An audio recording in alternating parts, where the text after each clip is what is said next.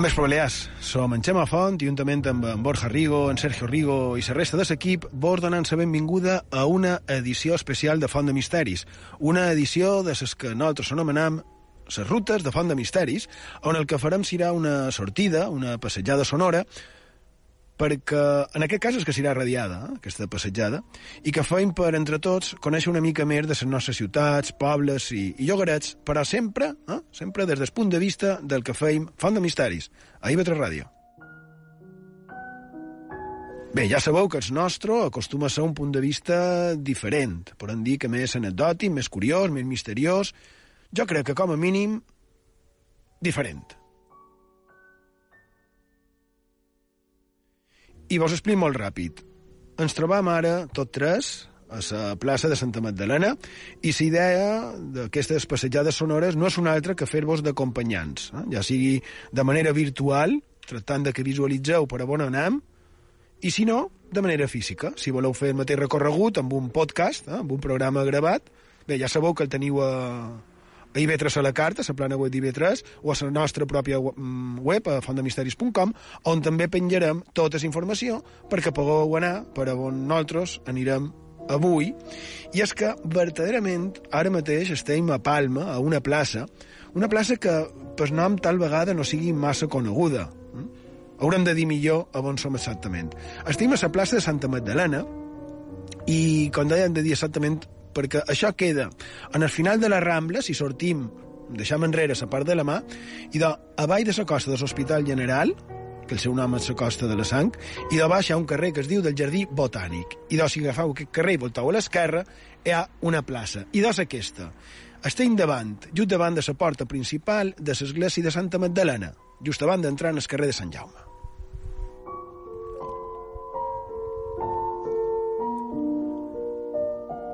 I just aquí on estem tenim davant la façana principal de l'església, darrere nosaltres tenim l'imponent i misteriós edifici de la Misericòrdia, i de vora nosaltres tenim una estàtua d'aquestes de bronzo on surt un senyor que va vestit com a, com a de religiós, però podem dir que d'alt nivell, eh? I, i no hi ha per manco. És, jo crec, que després del cardenal Manacorí en la Dària, és un dels sillencs que ha assolit dels més alts càrrecs religiosos catòlics, i que, a més, també crec que és digne de tenir el seu moment a Font de Misteris eh, en aquestes rutes sonores, com a mínim per la curiositat de la seva decisió, un pic hagués mort. Ell, que va fer construir i pagar de la seva butxaca la capella on romanen les restes incorruptes de, de la Santa Illenca, na Caterina Tomàs, ara parlarem d'ella, però crec que no vos imagineu com parlarem d'ella. Eh? Però ho deia perquè na Caterina Tomàs és aquí dintre, dins d'una capsa de vidre, a la vista de tothom, amb el seu cos incorrupte, i està així aquí perquè ho vam anar precisament el cardenal Despuig.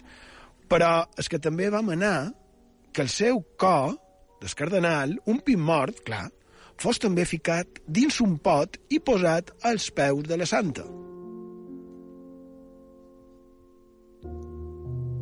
I això és a dintre de l'església. Però a la part conventual hi ha molt més per dir. Per exemple, aquí també va haver un dels primers hospitals de la ciutat. Estem parlant de principis del segle XIV, juntament, per exemple, amb el de Sant Andrés, que era cort. Però tenim, segons va publicar el cronista Bestart, una història que no deixa de ser curiosa. Ell diu que la va treure a la llum l'historiadora Aina Lessent, i ens narra uns fets de 1637. Ens diu que l'heroi de la guerra dels 30 anys, en Miquel Ballester, en aquell moment de 1637, nou conte de llamants, i de, aquest senyor tenia problemes amb la seva dona. Pot ser que fos per, per tractar-se d'un d'aquells matrimonis de, conviven, de convien, conveniència, però el cas és que en un viatge d'aquest senyor, ella, la Margarida Despuig, va decidir separar-se d'ell i entrar en el convent de Santa Magdalena, que, per cert, aquest convent, des de 300 anys abans, hi havia una curiosa ordre de que no podien entrar homes. Eh? Això ho hauríem d'investigar. I de, ell li diu per carta a la seva dona que es deixi de convents i que cap a casa. Però ella li va dir que no. Així que ell torna precipitadament cap a Mallorca i no se li passa un altre pescap que la matinada del 16 d'octubre de 1637, amb un bon grapat d'homes armats amb arcabusos, assaltar aquest convent. Varen escalar, varen entrar. Per sa força, rompent la clausura, hem d'imaginar la situació, eh? i tot per treure d'allà a la dona d'aquell compte. Les monges, fort i no moguis, no varen dir ni pruna. Amagaren a la seva nova companya, però el que sí varen fer va ser tocar les campanes de matinada. Eh? Imaginem una ciutat silenciosa, o silenciosa i comencen a sentir l'alarma del convent. Poc després, esglésies, els altres convents, na Figuera de Cort, Neloi de la Seu, començaren a sonar. Sembla que va ser gros. Eh? En aquesta crida acudiren un bon, un bon grup de forces d'ordre públic i els assaltants varen ser detinguts. Ella va seguir al convent i ell va haver de fugir. Se'n va anar a Barcelona, on va morir l'any següent. Bé, un verdader dimoni, no?, aquest tipus. Com, com havia de ser aquest individu? Però anem amb altres dimonis. Aquests, tal vegada, més com imagineu, però no com vos podeu fer idea. I clar, si xerram d'aparicions del dimoni a les nostres illes, hem de xerrar de na Sort Tomaseta, de la nostra santa més famosa. Si anem de ves l'any 1537, quan Sort Tomaseta era una nina d'encara no tindria 6-7 anys, va ser quan se va topar per primera vegada amb es maligne. Resulta que sa mare la va enviar al carrer a fer unes feines i sa nina, mentre tornava cap a casa seva, se va topar amb una estranya figura.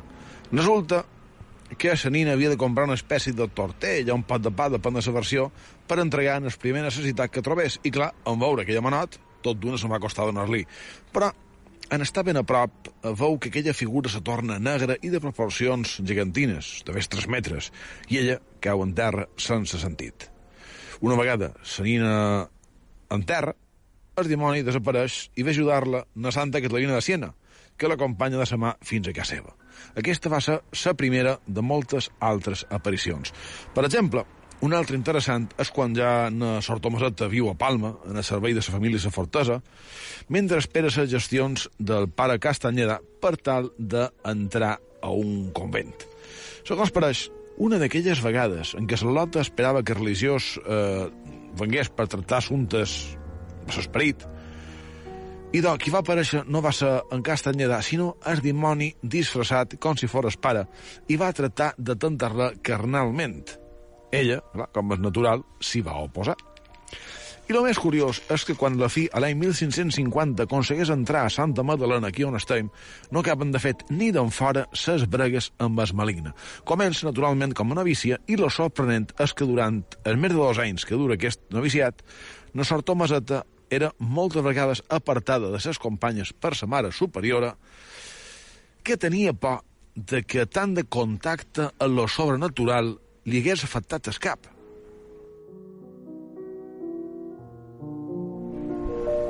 Des de set anys més que va passar na Sort Tomaseta dins el convent fins que va morir, poden destacar unes quantes aparicions demoníaques més. Segons recorda, per exemple, el cardenal Despuig, ara en parlaven d'ell, una de les coses que solia fer-li el dimoni era, a la cel·la on descansava, pintar-li per les parets multitud de déus pagans, grecs i romans, per tal d'espantar-la, si bé pareix que no era gaire efectiu. També, durant aquest temps, se li apareixia en forma de drac, d'esperit i fins i tot de granot. Bé, i, i d'aquí la cançó aquella que diu això de que el dimoni vos cerca. Eh?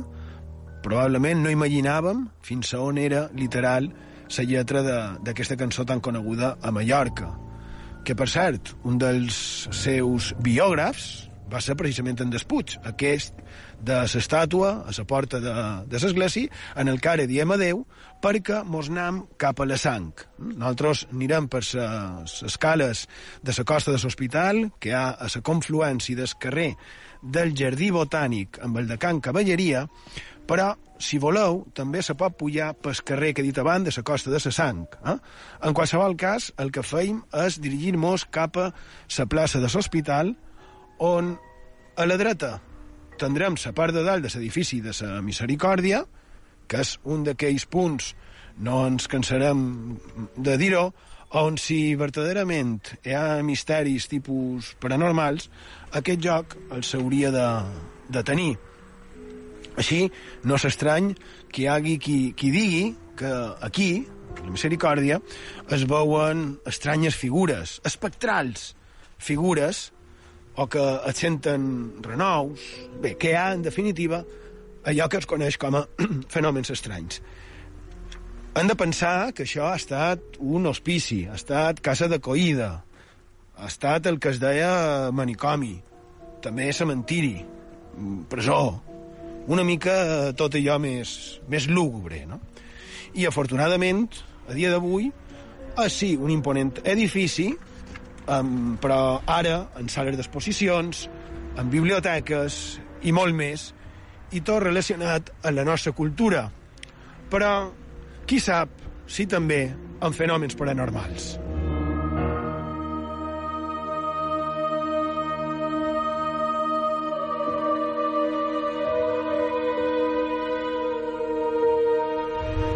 però no és de la misericòrdia que volem parlar. Mm?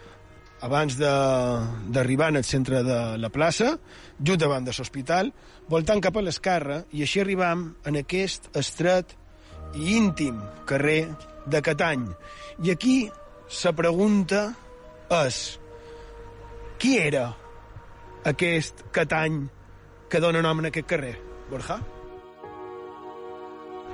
I de abans de, de res, dir que és un personatge que jo crec que poden qualificar sense, sense dubte i sense poc equivocar-nos com entre els més espectaculars de la nostra història.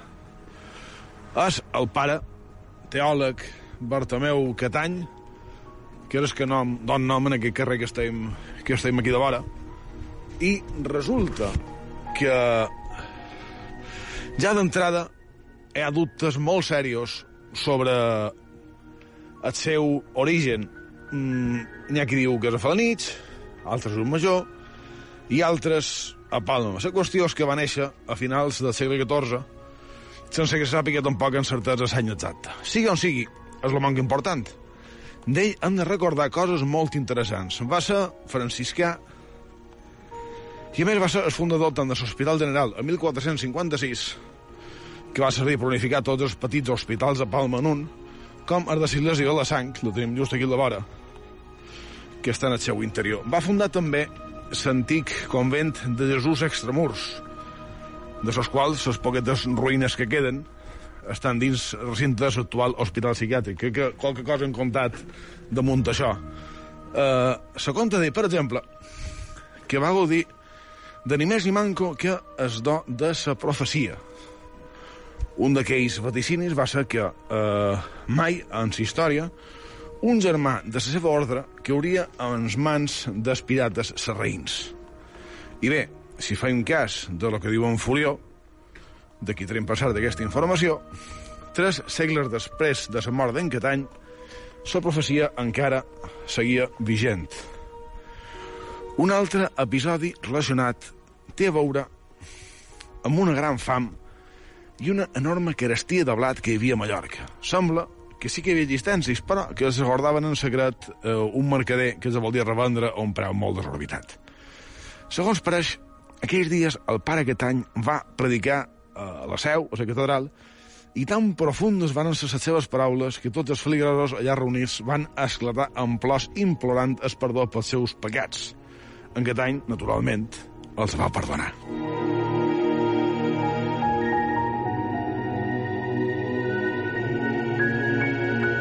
I amb això, que han sortit tots del temple, passa lo impensable.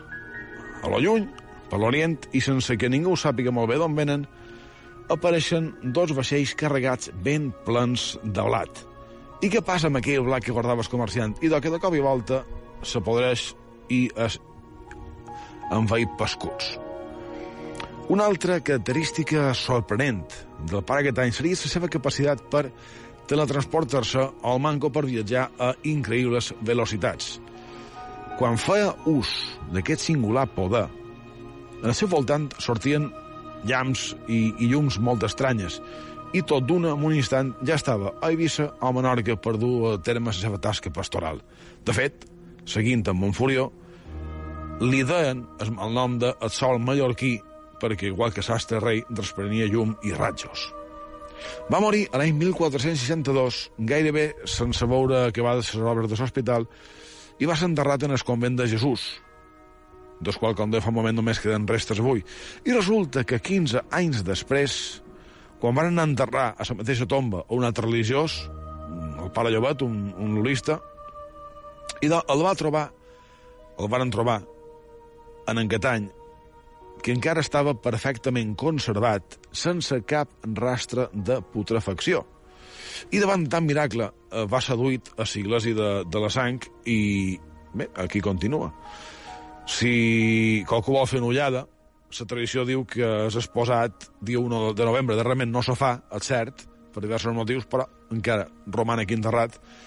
I per cert diuen també que molts de malalts que s'acosten en el seu sepulcre i el toquen se curen de tots els seus mals. Tant de bo fos, fos cert. I damunt d'aquesta enigmàtica i, i prolífica en fenòmens estranys figura tot el que mos queda per dir d'aquest home, el pare Catany, en tantes històries, al seu darrere. Seguim avançant per, per aquest mateix carrer en el que, pel que hem entrat des de la plaça de l'hospital, que és el carrer de la Pietat. Eh? Poc hem avançat, també ho dic, perquè mos ara davant del número 7, on l'any 1591 es va fundar una piscina. 1591 una piscina. Bé, no, no es va fundar una piscina, es va fundar la casa piscina espiritual de la Nostra Senyora de la Pietat. Però jo crec que no nadaven, no, Borja? Bé, la veritat és que és, és un home és, és bastant, eh, bastant curiós. En realitat, eh, el que feien era eh, banys, diguéssim, que posades, però espirituals. La piscina era per banyar ses, ses ànimes. Una cosa molt simbòlica. I doncs, qui s'allotjava en aquest indret? I doncs, aquí han recollides ses anomenades dones extraviades, és a dir, les promiscues, prostitutes, etc, que volien o eren forçades a donar un nou rumb a la seva vida. Per aconseguir-ho, el manco per intentar-ho, aquestes dones estaven sotmeses a una dura disciplina per part de les monges que aquí vivien. Uh, i fins en el punt de que aquestes dones que en principi ingressaven en aquesta institució de manera voluntària estaven privades de cant durant tres dies a la setmana. Feien dejuni complet els divendres. Tenien jornades dedicades en el càstig corporal i a l'oració. I per quedar completament rehabilitades, havien de passar aquí tancades, vaja aquesta disciplina, ni més ni manco que cinc anys sencers. Però descomptat, com ja vos podeu imaginar, moltes dones no aguantaven aquest suplici i preferien tornar a la seva mala vida d'abans. D'altres, clar, morien durant el període. Hi havia també, això sí, ses que manco, que sortien després de 5 anys de tancament completament reformades i, en el final, el que feien era eh, prendre els hàbits per dedicar sa vida a Déu. I què passava si una dona aguantava a 5 anys però no estava del tot reformada? I del que senzillament havia de continuar en la rutina de dejunis i sacrificis fins que les monges ho trobessin necessari. Ara anem, si voleu, fins a l'any 1832. No fa tant de temps, per recordar una història curiosa. Per aquí tens, aquí vivia una monja, que nomia Maria Rosa Viau de Vinyó, que havia fugit a Mallorca durant la Revolució Francesa i després s'havia quedat. I doncs bé, en aquest any de 1832, concretament l'11 de febrer, aquesta monja va morir. I el seu sobrenom, que era la monja francesa, passa a ser la monja santa. I això, a què se deu? I doncs, en el fet de que després de morta el seu cos va ser exposat aquí mateix perquè el poble ho venerés i va estar sense corrompre-se 15 dies sencers, mentre la gent feia llargues coes per veure i presentar-li els seus respectes cos, per descomptat, que no eren pacífiques. Hi havia pregues, baralles distintes, disturbis... Fins i tot les autoritats van haver d'intervenir i repartir garrot en més d'una ocasió. Finalment, les autoritats, en aquest cas eclesiàstiques, decideixen enterrar-la aquí, a l'interior de l'edifici, i així evitar nous disturbis. Però el més curiós és que, segons pareix, encara no s'havia començat a corrompre. Pot ser, a dia d'avui, si s'obrit la tomba, la monja francesa encara eh, mos no ho contemplaria perquè no mos veu, però ja m'enteneu, eh, de manera de, de l'aspecte, diguéssim, de mòmia natural. I, per cert, entre altres coses, se diu que tenia es poder per levitar. i que ara, a dia d'avui, això sí, de tant en quant, compareix per aquests passadissos de l'antiga casa piscina espiritual de la Pietat en forma de fantasma.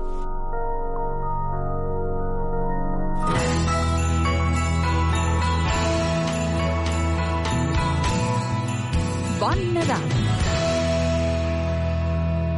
Aquesta és una comunicació del govern de les Illes Balears. Les energies renovables fan que aquestes illes siguin més sostenibles i que la teva factura de la llum sigui més econòmica.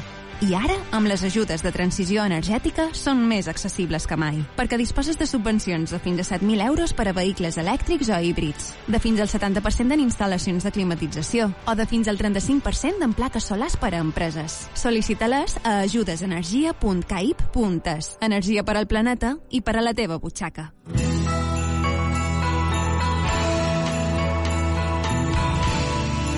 Bon Nadal!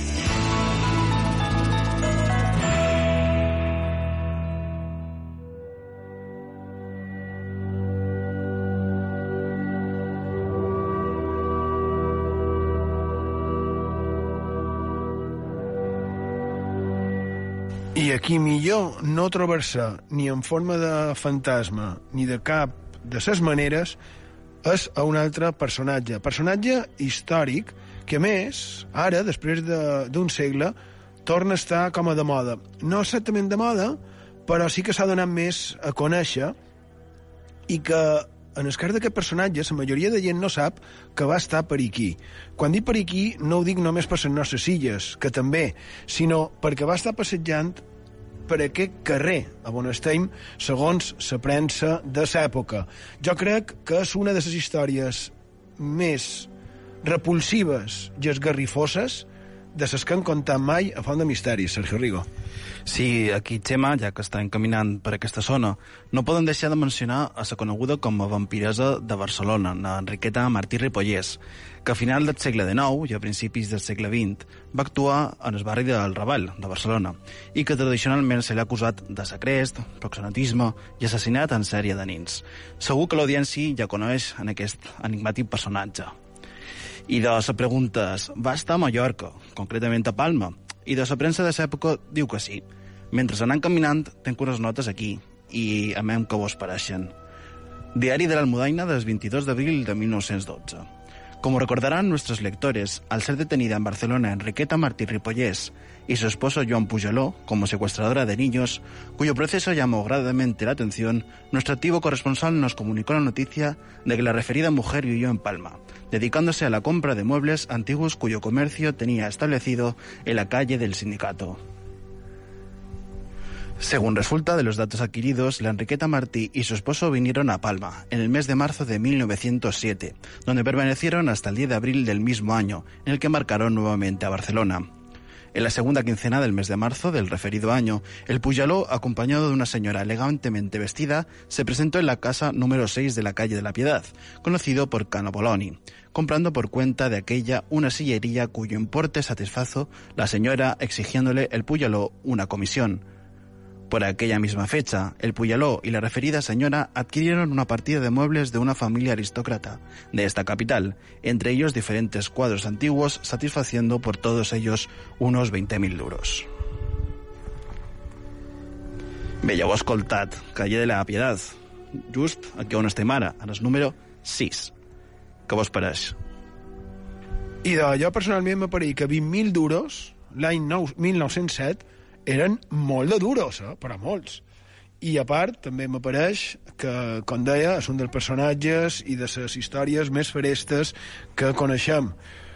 Pensam, hem de pensar que quan l'eglapiren varen trobar restes de nins dels que ni si tan sols se sabia els noms, ni quants va arribar a assassinar, perquè se feia desaparèixer, feia desaparèixer els seus cossets. Eh? Però el resum és que es dedicava a segrestar nins i nines en les més fosques intencions que puguem imaginar i, i bé, i després el se feia desaparèixer, clar, ja dic, terrible.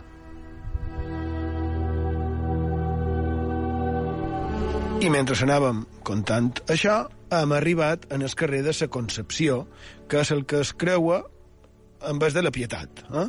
Voltant cap a l'esquerra, on directament tenim l'església i el convent de la Concepció, on a dia d'avui encara custodien algunes curioses peces d'art sacre amb molt de misteri al darrere. Misteri, però també llegenda, clar que sí, Borja. Clar, ara anem amb un altre assumpte, en aquest cas eh, miraculós i sorprenent. Aquí en aquesta església, a la Concepció, se guarda una curiosa talla de fusta que du per nom escrits de Noguer. I quina és la seva llegenda? Idò? Estigueu atents. Pel que sembla, perquè apareix una monja del convent de Santa Margalida, el qual estava just en el principi del carrer dels Oms i que avui en dia és una capella castrense, i de tenir un gran interès en un noguer que tenia al seu jardí una bona amiga seva, una veïnada, que nomia Catalina. La monja tenia gran interès en sabre, ja que volia fer d'ell alguna imatge, alguna representació religiosa, i com no tenia dobbers, i do crec que aquesta fusta seria perfecta per, per això. Per aquest motiu, li va demanar a la Catalina, a la seva amiga, que li obsequiés en sabre. I clar, per la monja, el motiu no podia ser més noble, però en aquesta línia se va negar rotundament, elegant, que aquest arbre, en les seves abundants fruits, és a dir, els seus nous, li permetien subsistir tot l'any.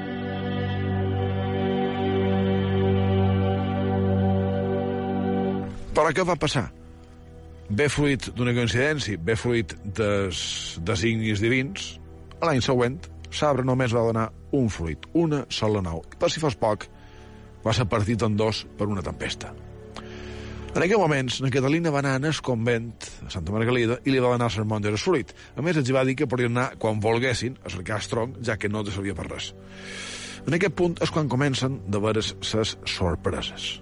A l'enviar a serrar el tronc abatut, un fascinant descobriment. En el seu interior van trobar una talla de Crist del bon Jesús de bon tamany i en les branques de sabre formant els seus braços. Immediatament va ser col·locat a la capella del convent i ràpidament se van començar a atribuir miracles, per exemple, per la curació d'una nina amb paràlisi que nomia Maria. Se diu que quan més actiu està aquest Crist, entre cometes, que per cert ara s'ho guarda aquí dins la Constitució des de 1837, és el dimecres sant. És quan realitza més miracles, per dir-ho. I per si fos poc, aquest dia sua i inclina el cap més de lo normal. Si no teniu feines, jo crec que ja sabeu que podeu fer. Quin dia havies dit això? És dimecres sant. I de prenen nota. Però no acaba aquí, perquè ara en Borja mos ha dit que aquell noguer que donava tant de fruits, aquell any només se'n va donar una única nou. I quan la varen obrir, va resultar que es varen trobar amb una sorpresa, perquè a cadascun dels greix de la nou hi havia unes representacions. A una, a una banda, l'imatge de la Mare de Déu dels Àngels amb el nin en braços, i a l'altra, un Sant Crist, el mateix Crist, no? la representació del mateix Crist entre Sant Joan i la Mare de Déu. I també ho tenen aquí, en el convent de la Concepció, com també tenen una representació de la coneguda com la Santa Fas. Eh? Una Santa Fas és una, una verònica, és un bocí de tela que representa la imatge de la cara del bon Jesús. Eh? El seu origen seria que el bon Jesús, a la pujada en el Calvari, en el Via Crucis, s'hauria aixugat la suor amb aquest bocí de tela que li hauria deixat na Verònica queixa. D'aquí que també se la conegui en aquesta tela amb aquest nom, Verònica. I una d'aquestes representacions feta de manera miraculosa també és aquí, en el convent de la Concepció. I aquesta relíquia, que va tenir un origen estrany, perquè diuen que es va crear tota sola, ella, en un vespre, i de, va arribar a Palma, sembla ser a mitjan del segle XV, encara que no et sap en certesa l'any en concret. El cas és que arriba des de Roma i va ser dipositada en el convent de Santa Margalida. I allà va estar fins al segle XIX, eh, amb una gran veneració per part del públic que va propiciar que quan la relíquia es treien al carrer eh, en uns dies determinats es posassin paradetes en el voltant de, del convent. Després es va dur cap aquí, cap al convent de, de la Concepció, de, com deia, des del convent de Santa Margarida, estem sempre parlant de Palma, això va ser per mort de les conegudes per, com les de l'amortització de Mendizábal, i a partir de llavors, les paradetes de l'actualment també coneguda com a Fira del Ram, en lloc d'estar a l'actual carrer de Sant Miquel, es van començar a posar aquí, en aquest carrer, perquè a partir d'aquell moment era on treien aquesta peça, que, com he dit, tenia molta afluència de públic. I, clar, hi havia qui aprofitava per fer, per fer negoci, no? Tant de negoci com que omplien aquest carrer cap a baix, en la mate en la mateixa direcció cap a on ara estem caminant nosaltres, que és fins a on està encara és la font del sepulcre. Però era tanta la gent que va fer que s'anés estenguent aquesta fira. I com que no hi cabien, van optar per traslladar-la a la plaça de l'hospital, on hem estat abans. I d'allà es va anar ampliant fins a la Rambla, per la costa de la Sang, i després ja van dir, bueno, i la deixam a la Rambla, on es va celebrar la Fira del Ram més de 100 anys. Eh? Cada any es celebrava ja a la Rambla per després ja anar a altres parts de, de la ciutat més amples. I bé, fins a dia d'avui, que ja sabem tots com és la Fira del Ram. Però crec que és curiós no? que començàs per l'exposició d'un bocinet de tela amb un origen supranatural que es diu menja de rams, se posava en exposició pública. Però hem dit que anaven en direcció d'aquesta anomenada font del, del sepulcre, una font molt desconeguda, crec jo, que, per cert, font del sepulcre. Per aquest carrers n'hi ha un amb un nom que, encara que sembli normal, és enigmàtic, perquè és el carrer de Baró de Santa Maria del Sepulcre. I per què dic que aquest nom tan senzill d'un baró és enigmàtic? I és enigmàtic perquè ningú sap qui era aquest baró crec que és molt sorprenent tenir un carrer, a més, fet en els anys 50 del segle XX i que ningú sàpiga l'origen d'aquest nom. I si va xerrat i si qualcú sap el verdader origen i pot demostrar el verdader origen, li agrairem que mos ho faci saber, perquè ja dic que ningú sabia, ningú sap qui era aquell baró Santa Maria del Sepulcre, el que fa referència al nom del carrer d'aquí de vora. Però ara estem just davant de la font del sepulcre, just davant també d'un antic camp de llimoners, de llimones. Però, Borja, per què estem aquí? Idò, aquesta és la darrera font que queda en peu a la nostra ciutat de les 12 que teníem a l'edat mitjana i que estan recollides en un document de 1383, data del segle X, època de la dominació musulmana, i en el costat d'ella s'aixecava una de les múltiples mesquites de Medina Mallorca. Una vegada conquerida la ciutat pels cristians l'any 1229, la mesquita se va cristianitzar convertint-se en l'església dels cavallers del Sant Sepulcre. És en aquest moment quan la font pren l'actual nom, és a dir, Fontes de Sepulcre. I de d'on ve? I de la tomba dels dos cavallers Moncada, en Ramon i en Guillem, bons amics del rei en Jaume I, i que van morir en combat a la primera batalla després del desembarcament. Va ser, van ser aquí sepultats, ja que aquesta part de ciutat es va tocar a la família en el repartiment, i aquí van estar dormint el seu somni etent fins que van ser traslladats a Tarragona, en el convent de Santes Creus, que era de la seva pròpia família, i l'havien fundat temps abans d'haver l'any 1150. Però, què va passar en Silesi que aquí teníem? Per què ja no la veiem? I és a causa de les famoses desamortitzacions del segle XIX. L'any 1843, perdó, el temple se va convertir en tallers i en habitatges. I poc després, com per causa d'ira divina, no va quedar cap resta de la construcció, ja que va ser devorada per un terrible incendi. Abans de continuar, però, si voleu, un detall macabre i desagradable sobre la font. Anem ara a l'any 1459. Aquí se va cometre un terrible assassinat. Un home, un tal Bartomeu Cantarelles, va assassinar ni més ni manco que el seu cunyat, que era encara un nin, tirant-lo per la font perquè s'ofegués. I quin va ser el motiu? Simplement que la seva dona heretés tots els béns que hagués heretat el nin per fet simplement de ser fi home. En Bartomeu, presa de remordiment, va confessar, se va entregar i va ser condenat a mort. El van penjar a les forques permanents que tenien col·locades en el port i després, com a escarni i, i burla pública. Després de la mort, se l'enduen a altres forques situades en el pont d'Inca i allà el tornen a penjar i deixar-lo allà una bona temporada. Mira que érem animals, no vos sembla? Totalment. I també tornant a dir que com t'agraden els crims, també t'ho dic. Fa un moment he dit allò de que, de que ningú no sap qui era aquell baró de Santa Maria del Sepulcre, nom d'un carrer que, que com he dit, no se sap qui, qui el va posar. Però a vegades els noms potser no semblin el que podria ser. Un cas, per exemple, és el del carrer cap a on estem anant ara, que ara ja entram en aquest carrer, que surt d'aquí mateix, eh? deixam eh, el bon enrere, darrere, per entendre-nos, i pujam un poc metres des de la font del sepulcre i voltant cap a la dreta. I d'això és el carrer de Sermità. I podem pensar que es deu, deu ser tal vegada per qualque ermità que va viure aquí. I del més evident pot ser que no sigui la vertedera causa, perquè podria ser que fos perquè hi vivia a mitjan del segle XVII un italià que era, era seu nom era Pietro Salermitano i d'aquí el nom. No sempre té per què ser el que sembla. I aquest senyor en Salermitano vivia aquí. I parlant de viure aquí 300 anys després el qui va venir a viure va ser un que va acabar sent part de la història illenca, de la tràgica i també morbosa història illenca, perquè aquí va viure i quelcom més, el jo diria que darrer illenc ajusticiat. Estim parlant del menorquí Pedro Tudurí Vidal.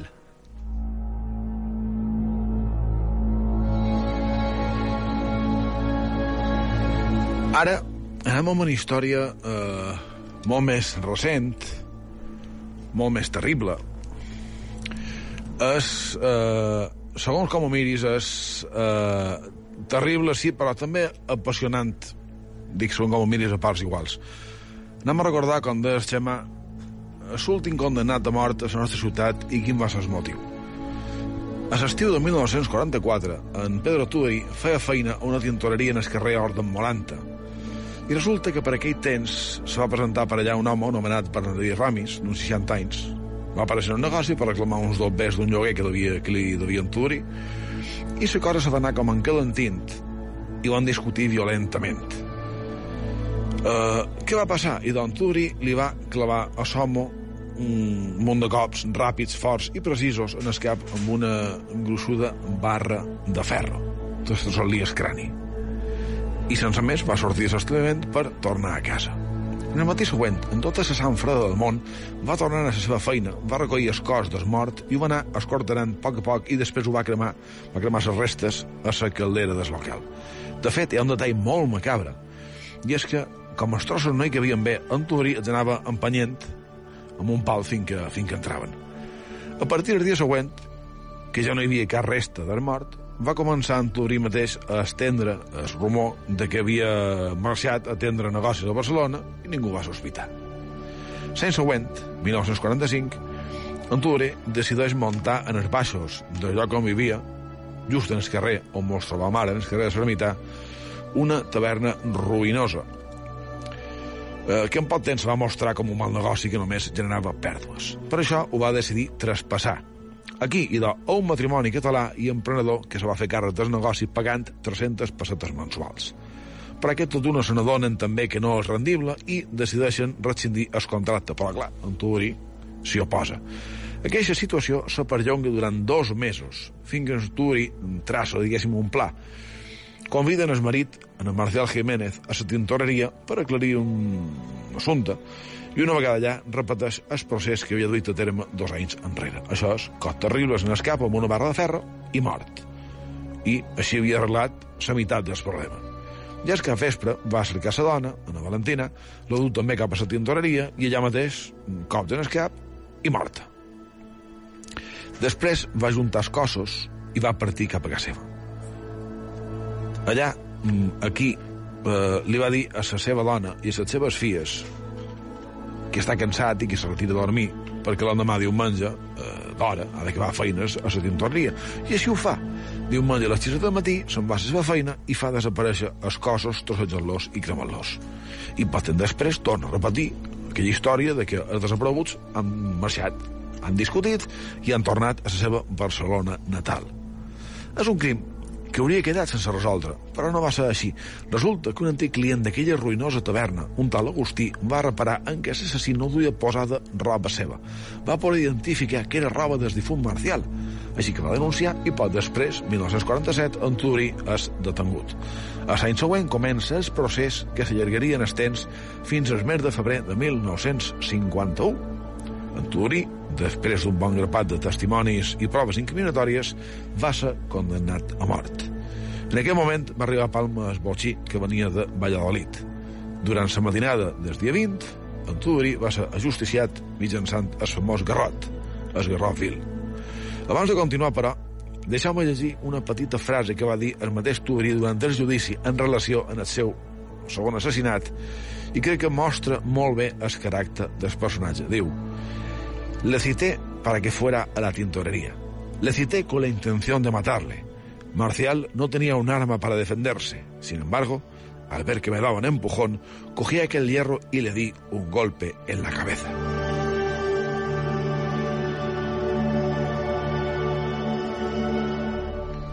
I ara deixem en en Tudorí, però, si pot sembla, seguim amb el tema.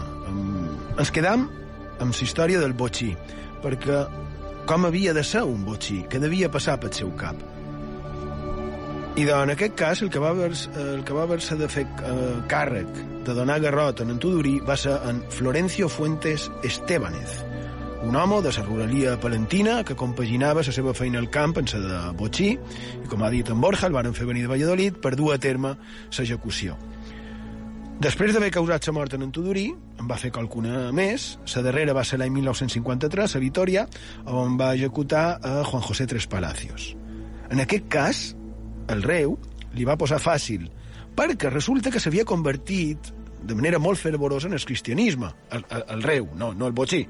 I quan el capellà li demanà en, en, en, en Fuentes que anés alerta a l'hora de donar garrot en el presoner, en un moment màrtir, podríem dir, aquest, en, en Tres Palacios, li digué no tenga usted ningún cuidado, hágame todo el daño posible.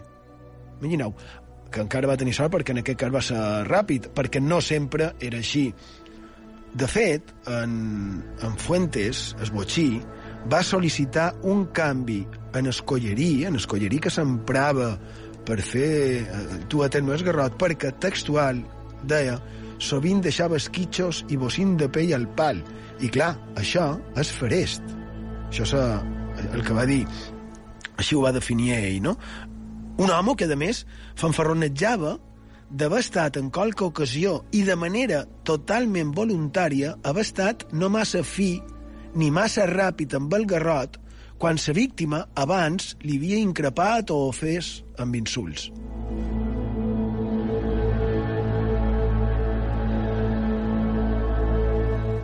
Lo trist d'això és que no era l'únic botxí que, que sembla que fes això. I en el cas d'aquest, segons qualque biografia, tenia un caràcter difícil i estava una miqueta desequilibrat. No? I si a més te dediques en això, no ho sé, no? Però, però imagineu, tampoc se sap la quantitat de gent que va haver de matar, no? però en un cas d'una atacada l'any 1944 va haver de, va haver de justiciar a nou de cop, no? I a poc a poc, amb el temps, aquell home que, com he dit, fanfarronejava, que, imagineu, no? amagava el garrot, que la seva, era la seva eina de feina, l'amagava sota el seu propi llit. No? I d'aquest home va anar agafant por i respecte en el que feia. Començava a excusar-se per no fer la que era la seva obligació. Tant, tant és així que fins i tot va ser expedientat i condemnat a presó per haver-se negat a dur a terme execucions. No va entrar a presó, però va començar a decaure eh? i en el final va acabar tot sol, sense amics, sense el recolzament de sa família, separat, arruïnat. En els darrers moments, a la seva vida es dedicava a viure d'almoina. I finalment, una matinada de 1971, es va penjar d'una usina. I aquesta vida tan diferent, tan atípica, tan estranya, tal vegada vos pot recordar, si és que l'heu vista, clar, a la pel·lícula El Verdugo, d'en Berlanga, que precisament va ser rodada també a les nostres illes, i de vos ho, o, vos ho dic, que pot recordar precisament perquè està basada en la vida d'aquest botxí, d'en Florencio Fuentes Estebanez. I hem dit que en, en Tudorí el varen ajusticiar amb el sistema d'esgarrot, de, eh? esgarrifós sistema d'execució. Com era això? Com funcionava? I doncs, segons el llibre Crímenes i Criminales, de Jeroni Fullana, editat per Leonard Montaner, diu, en un principio, El sistema consistía en un simple nudo corredizo con un palo que lo retorcía y estrechaba el círculo en torno al cuello del condenado, provocando la muerte por estrangulamiento. Más tarde, esta cuerda fue sustituida por una argolla o collar de hierro que era accionado como un torniquete. La siguiente innovación en dicho instrumento consistió en aplicar un tornillo que, al girarlo, reducía el diámetro de la argolla y estrangulaba al reo. El sistema se fue perfeccionando con otras innovaciones en el mecanismo, como la penetración de un tornillo que rompía las vértebras cervicales, el bulbo raquídeo y la médula espinal, a la primera vuelta del torniquete de hierro que estrechaba la argolla, provocando con ello una muerte instantánea. Mort instantània en teoria, perquè com hem vist, no sempre era així.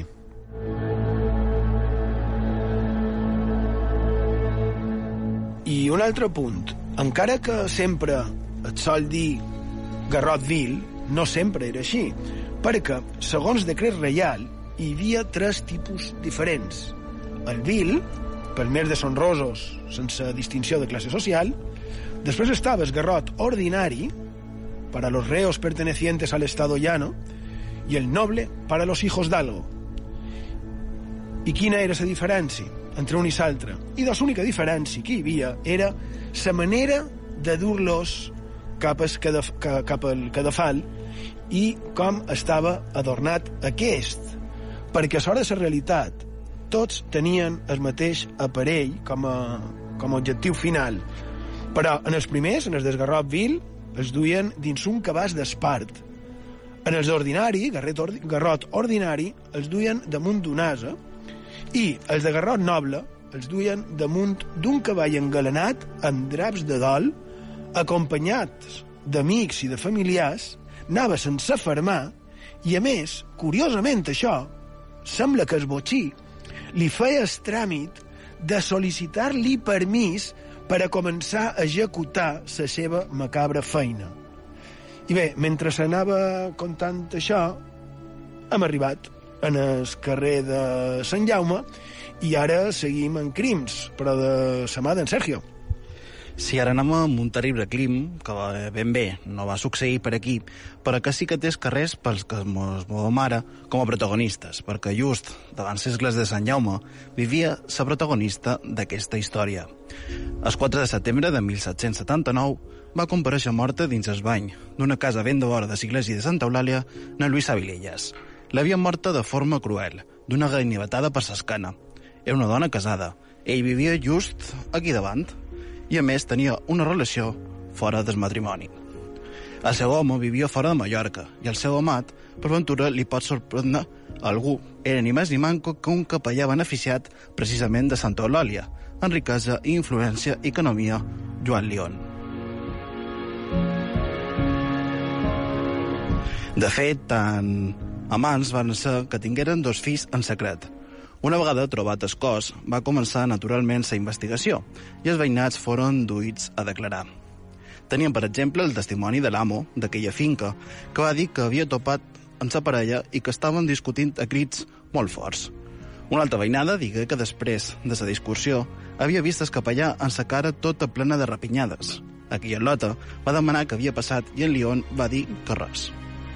Més tard, la mateixa Lota va intentar fer net el lavabo on es trobava sa dona i el capellà li va impedir l'accés. La cosa començava a aparèixer certament clara, però les autoritats no tenien totes les dades, així que seguirien investigant. Abans de Lluïsa fos, trobada, abans de que Lluïsa fos trobada, es van veure restes de sang de baixa estora més propera en el lavabo i també a través de la finestra. Alguns veïns veren una cosa, un embolic, estès en terra, que van identificar com na Lluïsa, però que no sabien si era viva o morta, s'estimaren més no dir res. El més inquietant, per ventura, és que el capellà va ser declarat culpable d'escrim, però ningú va rebre càstig. Ni en Juan León, que va fugir de Mallorca, ni els testimonis que no s'atrevien en primer moment a confessar el que acabam de comentar. Sabeu que va argumentar el capellà en la seva defensa, que s'havia topat de casualitat amb Lluïsa Vilelles i que ella el va amenaçar amb un ganivet. I de... jo saps què crec que hem d'argumentar? I de que davant de qualsevol tipus d'abús masclista o de violència dins l'àmbit familiar, el que s'ha de fer és denunciar. Tenim totes i tots l'obligació I tenim també al nostre abast el telèfon 016, que és gratuït i que, a més, no deixa rastre, perquè, malgrat que històries d'injustícies i abusos s'han succeït al llarg del temps, a dia d'avui no es pot tolerar de cap de les maneres. És feina de tothom, així que prou.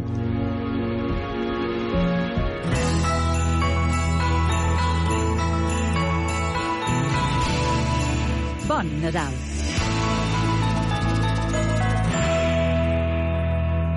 Si vols tenir sexe amb altres, parla, mira, sent, consensua-ho i gaudeix-ne. Campanya de prevenció de la violència sexual finançada pel Ministeri d'Igualtat, Conselleria de Presidència, Funció Pública i Igualtat, Institut Balear de la Dona. Bon Nadal.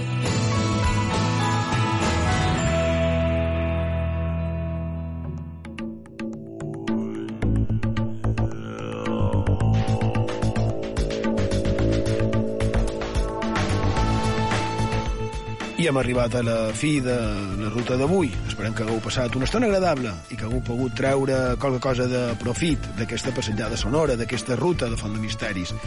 La nostra pretensió no ha estat una altra que mostrar quina quantitat de curiositats podem trobar a les nostres localitats, en els nostres carrers, a les nostres places. Només a un petit redol podem comprovar la quantitat d'increïbles i sorprenents històries amagades rere anys i anys de cròniques, d'històries, i ho tenim aquí, a Can Nostra. Així que vos convidam a seguir cercant, investigant, consultar llibres, biblioteques, arxius digitals també, clar que sí. I també vos convidam a sortir, a sortir i gaudir de les nostres gens, dels nostres carrers, del nostre patrimoni. En definitiva, de la nostra terra i de la nostra cultura. De na Glòria Estefan, mi tierra. Allí pau i fins a la propera.